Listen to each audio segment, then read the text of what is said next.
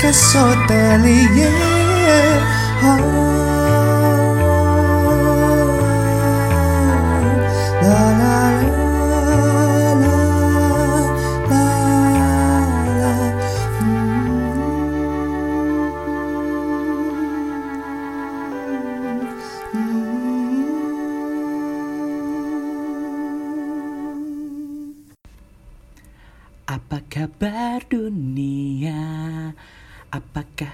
harimu masih penuh dengan besar-besar cinta. Yang di atas mana suaranya? Terima kasih inbox. Udah, udah, udah, udah. Jangan dilanjut ya guys. Jangan dilanjut. Celametan sih ya Makabe Halo guys, welcome back to my podcast Balada Hotelier Season 2 Apa kabar semuanya? Mana nih suaranya? Ya pura-pura aja pada jawab kali ya Walaupun paling ini semua orang tuh lagi pada diem Sambil buka Instagram gitu kan Sambil buka-buka chat dari mantan Yang udah lama Yang udah dimasukin di WhatsApp gitu Aduh sedih banget deh itu mah pokoknya jadi jangan sedih-sedih, oke? Okay? Karena gue punya narasumber baru kali ini, yaitu narasumber yang bakal cerita hal yang unik lagi dan berbeda kembali karena bidangnya juga berbeda. Jangan pura-pura nggak tahu karena namanya udah gue cantumin di judul. Harap dibaca untuk judulnya juga. Jadi stop senyum-senyum because shit's about to go down. Hai, kenalin nama gue Hatta Agung Eh, Biasa dikenal dengan panggilan Hatta Gue lahir di Bandung, gue asli orang Bandung Gue anak pertama dari dua bersaudara. Sekarang gue bekerja sebagai wira swasta Pengelola destinasi wisata yang ada di daerah eh, Subang, Jawa Barat. Gue mau cerita tentang kenapa gue bisa terjun di dunia, di dunia pariwisata. Dimulai dari gue dulu sekolah di sekolah pariwisata SMK swasta yang ada di Jalan Palasari, Bandung atau lebih tepatnya di Jalan Windu. Dulu gue ngambil jurusan akomodasi perhotelan. Dari sini gue baru kenal dengan dunia pariwisata khususnya dunia perhotelan. Mungkin banyak yang nanya kenapa ngambil SMK pariwisata karena gue sama sekali dulu nggak suka sama namanya matematika jadi gue cari tahu sekolah mana yang matematikanya gampang. Dan kita dan ketemulah sekolah SMK pariwisata. Di sini sekolah pariwisata SMK-nya gampang nggak nggak susah-susah SMA gitu kan. Jadi nggak nggak ribet seribet sekolah di SMA jadi dari SMK gue sudah bercita-cita untuk masuk ke sekolah tinggi pariwisata yang terkenal di Indonesia yaitu Sekolah Tinggi Pariwisata NH Bandung atau enggak yang bisa disebut dengan STP NH Bandung. Uh, kenapa gue tahu STP NH Bandung? Jadi tante gue tuh dulu sekolah, uh, kuliah juga di sekolah ini. Nah, saking niatnya gue belajar banget untuk masuk sekolah ini jadi uh, lulus SMK gue langsung ngambil formulir dulu daftarnya lewat formulir jadi belum pakai online onlinean. Kayak kampus lainnya aja dulu, masih pakai formulir antri antrian terus tes tesnya di sini ada uh, tes tertulis bahasa Inggris dan psikotes uh, kesehatan dan terakhir wawancara. Pada saat wawancara padahal gue e, ngambil jurusannya ngambil MBW MBW itu manajemen bisnis pariwisata dan pilihan keduanya adalah SAK studi akomodasi catering. Kenapa gue ngambil dua e, jurusan itu? Gue udah tahu hotel gitu gue pengen tahu pariwisata lebih dalam lagi gitu. Makanya gue ngambil MBW dan SAK tapi pada saat wawancara gue ternyata lebih aktif untuk menjawab uh, sekitar room division let's say itu adalah uh, pelajaran gue pada saat di SMK gitu. Jadi gue fasih banget jawab jawaban eh, tentang rubric vision dibandingkan gue ditanya tentang eh, knowledge kepariwisataan. Jadi eh, interviewernya tuh mensuggestkan gue untuk kenapa kamu nggak ngambil MDK saja? Gitu. Kalau kamu ambil MDK kamu bisa keterima deh gitu kan akhirnya saking kekehnya gue pengen masuk ke sekolah tinggi pariwisata Bandung ya. Karena gue udah terlalu terlanjur suka terlanjur, terlanjur cinta dengan pariwisata. Jadi ya udahlah. Yang penting masuk dulu ke STP gitu. Nggak apa deh masuk ke MDK lagi deh masuk ke room division lagi deh gitu kan. Akhirnya gue masuk ke hotel lagi. Eh, dan akhirnya gue keterima. Ujung-ujungnya gue keterima akhirnya di MDK awal keterimanya ini ada kejadian lucu. Jadi STP itu harus mengikuti PSDP PSDP ini adalah ospeknya. Dan ospeknya itu eh, seperti semi militer di mana eh, kedisiplinan terus eh, pokoknya kayak militer deh. Sedangkan gue pikiran gue itu ospeknya tidak seperti itu. Jadi sebelum ospeknya itu gue kerja nah abis kerja terus ikut ospeknya kayak gitu drop lah badan gue. Akhirnya gue pingsan dan gue sakit. Jadi gue harus ngikutin uh, ospek ini uh, tahun berikutnya. Kenapa saya harus ikutan lagi? Karena sertifikat ospek ini dipakai untuk gue job training dan uh, TA jadi kalau nggak ada sertifikat ini ya gue nggak bisa ikutin job training dan TA dan akhir ujung-ujungnya gue nggak akan lulus gitu loh intinya. Nah akhirnya ikutan lagi dan alhamdulillah lancar. Langsung lah gue masuk ke jadi perkuliahan itu di semester awal itu gue masuk ke belt. Jadi gue harus belajar dulu bahasa tiga bahasa selama satu semester yaitu bahasa Inggris, Jepang dan Prancis lanjut baru masuk ke semester 1 semester 1 ini gue jadi BJ BJ di MDK itu ada namanya Basic Junior ini jadi kacungnya lah ya intinya. Jadi eh, belajar knowledge dari awal belajar operasional terus eh, dimarah-marahin ya. Inilah eh, suka dukanya di semester 1 lanjut ke semester 2 itu lebih nyantai karena kita udah menguasai knowledge udah tinggal program-program yang dikasih sama manajer itu tetap harus dihafalin Nah, semester 3 dia paling berat karena kita harus buat namanya triple W. Working activity, working schedule, dan working eh, program kalau nggak salah. Gue udah lupa deh. Pokoknya triple W itu deh. Ini harus minta approval dari manajer, DP head, dan DOR. DOR itu adalah Director of Room atau kalau dulu kita nyebutnya RDM, Room Division eh, Manager.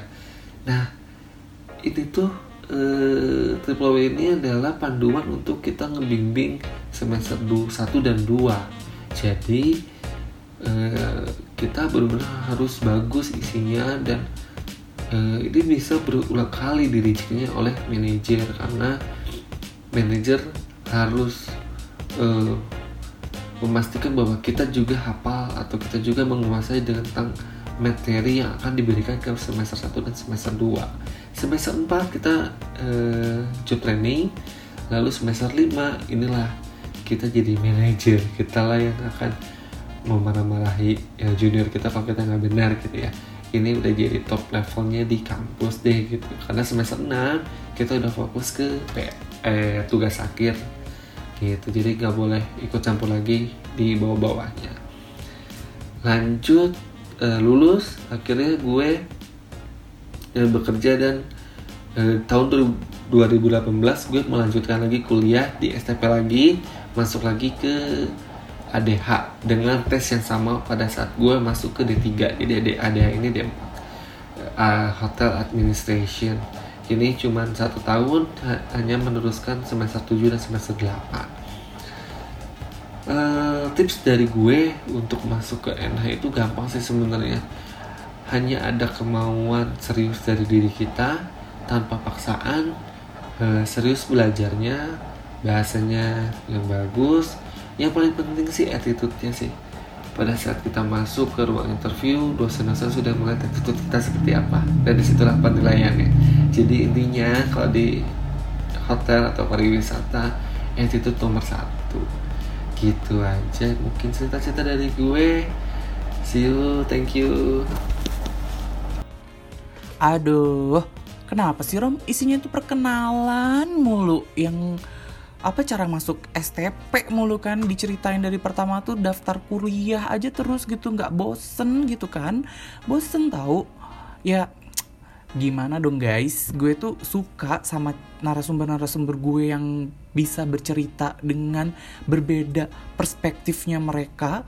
Gimana caranya mereka terjerumus nih di dunia perhotelan tuh kayak gimana? Mereka mengenal dunia hotel tuh gimana? Ya mereka mengenalnya ya dari dunia kampus dong gitu kan.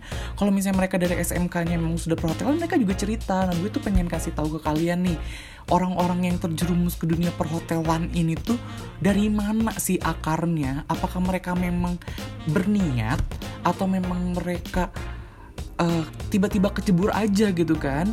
Nah itu yang gue pengen tahu tuh dari mana sih kenapa mereka suka dukanya tuh dari mana gitu. Karena nggak banyak orang yang bisa bertahan di dunia hotel. Itu kenapa? Ini jadi sebuah tolak ukur nih menurut gue. Karena banyak banget orang yang bakalan eh, nyerah di tengah jalan itu tergantung dengan niat dari awalnya. Kalau emang niatnya dia pengen masuk perhotelan karena passion ya kenapa dia harus berhenti? Kecuali dia memang mempunyai passion yang lain yang lebih bagus gitu kan dibanding dunia perhotelan. Tapi yang eh, nggak survive gitu di dunia hotel tiba-tiba dia pindah bidang gitu kan dari perhotelan mungkin jadi Angelo gitu kan ya mungkin dia mungkin pendapatan lebih tinggi dari Angelo gitu jadi itu gue pengen tahu banget tuh dari cerita-ceritanya kenapa gue pengen mereka cerita dari awal mereka masuk kuliah itu seperti apa. Kalau misalnya bosen, masuk langsung masuk aja ke segmen 2-nya aja guys. Jadi ya dipercepat dikit juga nggak apa-apa sih gue. Karena belum ada AdSense-nya shy, jadi belum dapet duit juga gitu kan. Dan kalau udah kenal nih sekarang sama Hatta, udah tahu gitu cerita dia kayak gimana sekarang. Yuk kita dengerin topik selanjutnya di segmen kedua dia bakal ngebahas tentang tempat camping nih. Siapa yang suka camping gitu kan? Kece banget dia tuh ngelola sendiri tempat camping ini dan kece parah sih. Cus langsung kita dengerin aja, check this out. Hai hai, kenalin gue Hatta Agung, biasa dipanggil dengan panggilan Hatta. Balik lagi nih di podcastnya Balada Hotelier. Hmm, belakangan ini gue lagi seneng banget buat vlog tentang makanan. Lebih tepatnya sih, tempat jajanan. Masih di kota Bandung aja sih sebenarnya. Jadi ceritanya itu gue seneng lagi seneng banget jajan. Enggak sih, nggak seneng lagi bukan baru-baru ini udah lama banget gue emang seneng jajan. Gue suka makan. Tapi gue kepikiran juga, kalau gue cuma makan doang untuk apa? Kenapa gue nggak buat vlog aja? Biar jajanan gue ini bermanfaat juga buat eh, siapa pun. Siapa tahu kan jadi referensi-referensi teman-teman kalian. Teman-teman gue juga ya kan? buat vlog itu ternyata nggak gampang bro gue kira gampang ternyata setelah dijalanin gue harus buat konten dengan konsep-konsep yang menarik skrip juga harus menarik karena gue termasuk orang yang suka balelo kalau ngomong. Gini aja kayaknya balelo deh kalau gue ngomong. Suka belibet. Jadi sekarang kadang-kadang belibet ya nih?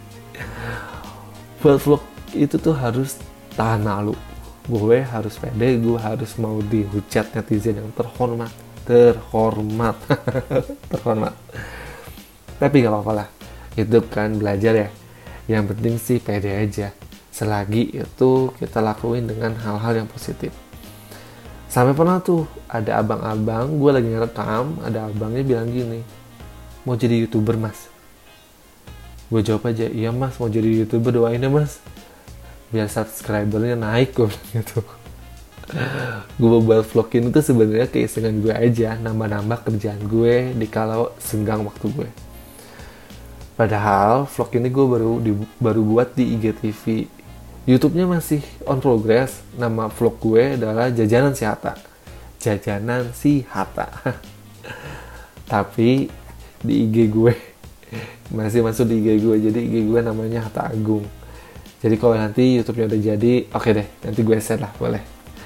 Gitu.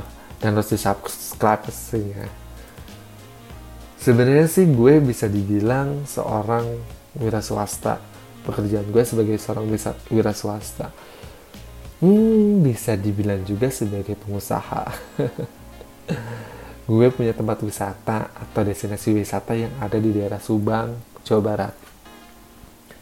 Nama usaha gue Wisata Alam Capolaga. Semoga kalian udah pernah denger ya tentang Kapolaga ini. Jadi ini tempat usaha gue, wisata ini gue nyediain jasa sewa homestay, camping, dan wisata air terjun. Banyak banget tamu gue para campers nih yang suka camping di tempat gue karena bisa camping di pinggir sungai dan bisa dengerin suara air terjun dan suara aliran sungai. Air sungainya mengalir di sungai gitu ya. Ya pasti di sungai sih. Dari tendanya mereka. Kapolaga juga punya hashtag nih camping pinggir sungai. Dengan brandingnya gembira bersama. Alam jadi kita di sana tuh udah benar-benar lepas dan gembira bersama alam seru nggak tuh kalian dengar ya bisa camping di alam sambil dengerin suara air, suara burung, suara pohon, suara serangga, ya kan? Gila deh, suasana kayak gini nih yang bikin betah nyaman banget untuk kemah di Kapolaga. Penasaran gak kalian? Coba deh datang kali-kali ke tempat gue. Gue udah ngejalanin ini selama 4 tahun. Usaha ini sebenarnya sudah dirintis sama al almarhum kakek gue dan bokap gue dari tahun 90-an. Awalnya kakek dan bokap gue ini punya ingin punya tempat istirahat peristirahatan yang kayak villa gitu deh. Eh, tapi lama kelamaan kebeli tanah yang luasnya nggak kira-kira 11 hektar bro. Bingung nggak tuh 11 hektar dulu mau dijadiin apaan? Dan sekarang gue adalah salah satu penerusnya Sebelumnya juga gue kerja jadi employee di salah satu hotel di Jakarta. Hmm, gue kerja jadi housekeeping. Hah, housekeeping? Housekeeping banget. Ya, gue housekeeping. Gue jadi room attendant. Gue ngerasain capeknya jadi seorang room attendant. Sehari gue bisa ngeberesin 10 kamar suite room karena gue kerja di hotel bintang 5 di Jakarta Hmm, bokap gue dulu tuh ngajarin gue kalau lu mau jadi pengusaha coba dulu dari bawah, ngerasain dulu dari bawahan, jadi bawahan, sorry. Ya disuruh-suruh atasan, dimarah-marahin, dimarahin tamu, ya itu namanya. Ngerasain dari bawah. Di mana nanti pada saat gue punya employ, gue jadi pengusaha, gue tidak akan semena-mena ke karyawan gue gitu. Itulah bokap gue almarhum ngajarin itu ke gue alhamdulillah keterapin sih sama gue sekarang. Nah ini nih bedanya jadi karyawan sama jadi pengusaha. Beda jauh banget deh jauh banget. Awal-awalnya gue ngejalanin ini nih stres gila parah. Otak gue diperes banget mikirin sumber daya manusia lah, keuangan, pemasaran. Coba bayangin, kalau employ, gue dateng kerja eh, pergi pagi pulang malam lah ya, terus akhir bulan digaji. Kalau jadi pengusaha, lu nggak bisa kayak gitu, lu harus mikirin gajian karyawan bulan depan muat nggak ya, cukup nggak ya, target bulan ini kecapai nggak ya, itu yang harus dipikirin dari seorang uh, apa namanya pengusaha. Gue baru bisa adaptasi nih hampir 6 bulan. Lama banget gak tuh? Soalnya gue megang ini sendirian. Ternyata kantor SDM itu makan hati banget. Lu bayangin dulu gue gak berpengalaman banget untuk uh, megang perusahaan. Di kala itu masih ada bokap gue. Jadi gue ini mungkin ya si karyawan-karyawan ini berpikir apaan sih lu? Masih bocah juga udah sesuatu ngatur gue. Coba bayangin lu karyawan gue kayak gitu ke gue. Drop side shy. Jadi awal-awal tuh kalau gue nyuruh sesuatu merintah sesuatu pada saat masih ada bokap gue gue bilang ini suruhan bapak suruhan bokap gue. Barulah itu dikerjanya dengan benar. Gila sampai segitunya gue eh, harus nyuruh-nyuruh mereka. Dan btw karyawan gue 90% warga sekitar. Jadi dulu tuh bokap gue belum nge-hire orang-orang yang profesional. Mereka dididik otodidak dengan beliau.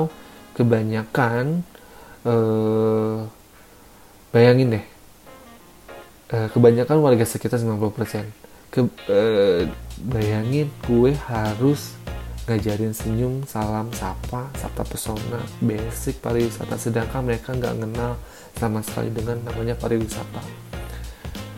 Bokap gue tuh dulu punya power, punya wibawa yang luar biasa. Ini nih yang bikin gue sedikit down juga karena gue mau nggak mau juga harus ngikutin gaya kerjanya bokap gue biar bisa ngatur orang-orang ini.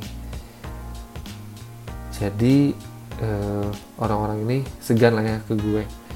Susah juga sih sebenarnya ngebuat power kayak bokap gue di sini. Tapi gue berusaha gue tetap usaha untuk eh, bisa memiliki power itu. Dan gue juga ngurusin keuangan semua pemasukan pengeluaran perpajakan semuanya gue cek. Jangan sampai ada yang salah karena gue juga harus membuat laporan ke keluarga besar gue. Kalau ada yang salah ya gue nombok ya. Sama halnya dan kalian lah balado atelier.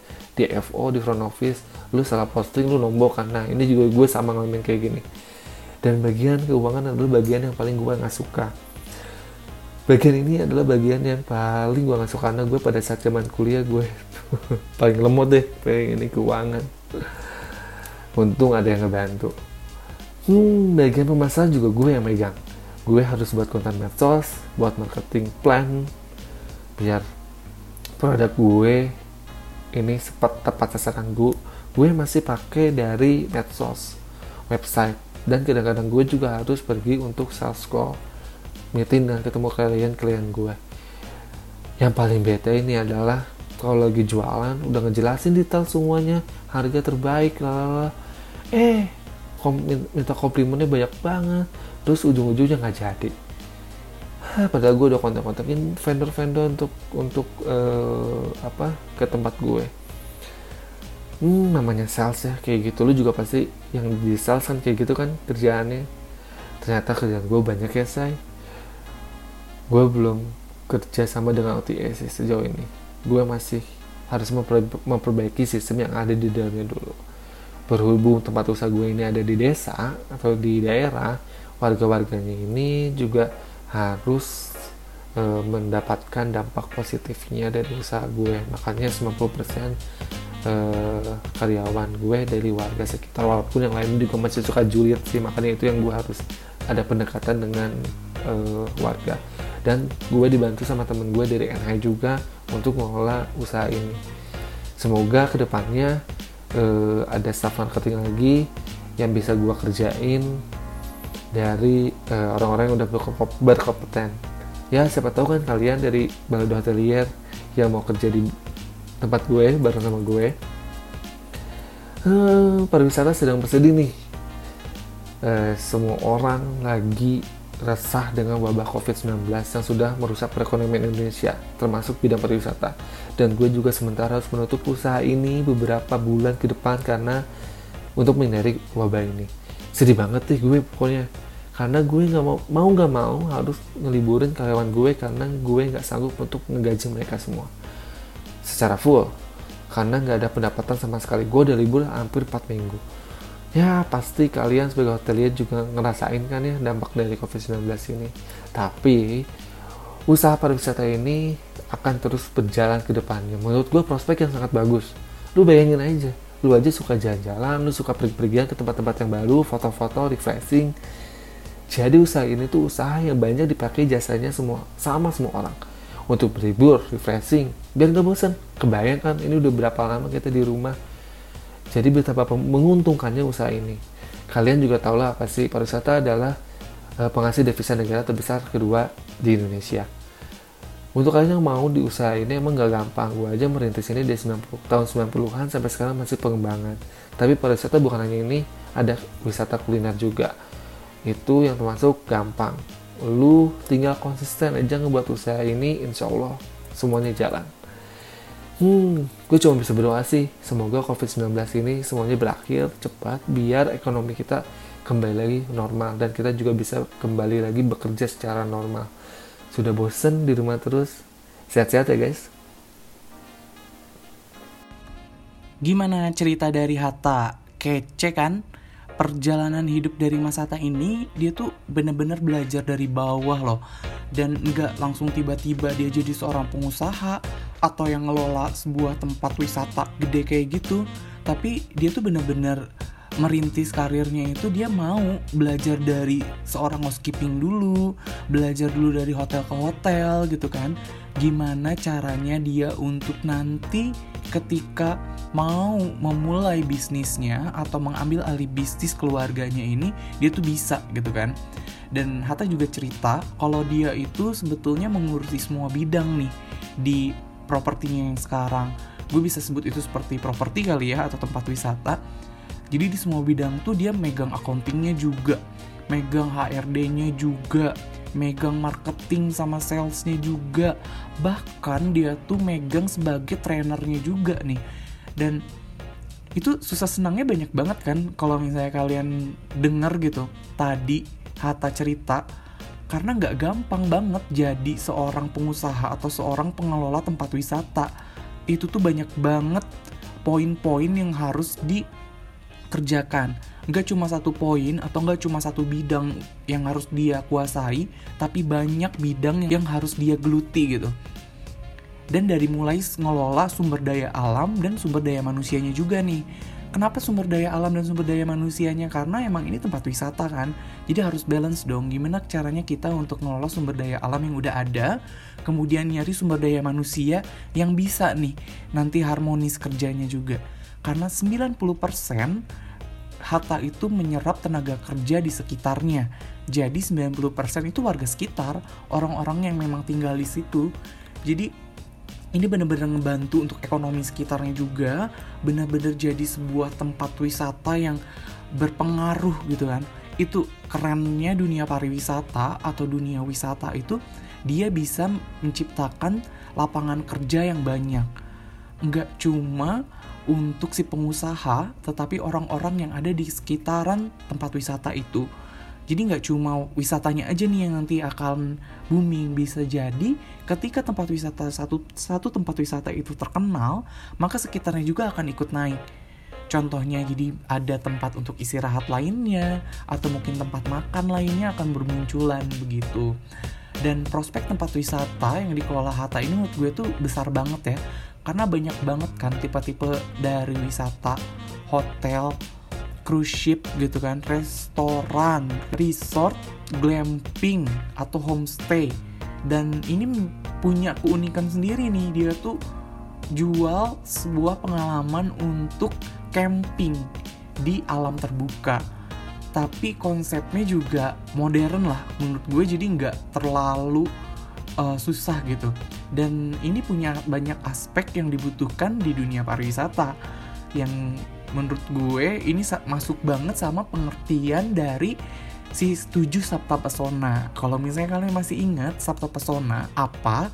Itu adalah aman, tertib, bersih, sejuk, indah, ramah tamah dan kenangan tentunya. Jadi tempat wisatanya dari Hatta ini udah masuk sih menurut gue tujuh sabta pesona ini aman udah pasti aman. Tertib bisa tertib gitu kan? Bersih sejuk indah otomatis. Itu kan tempat wisata alam gitu.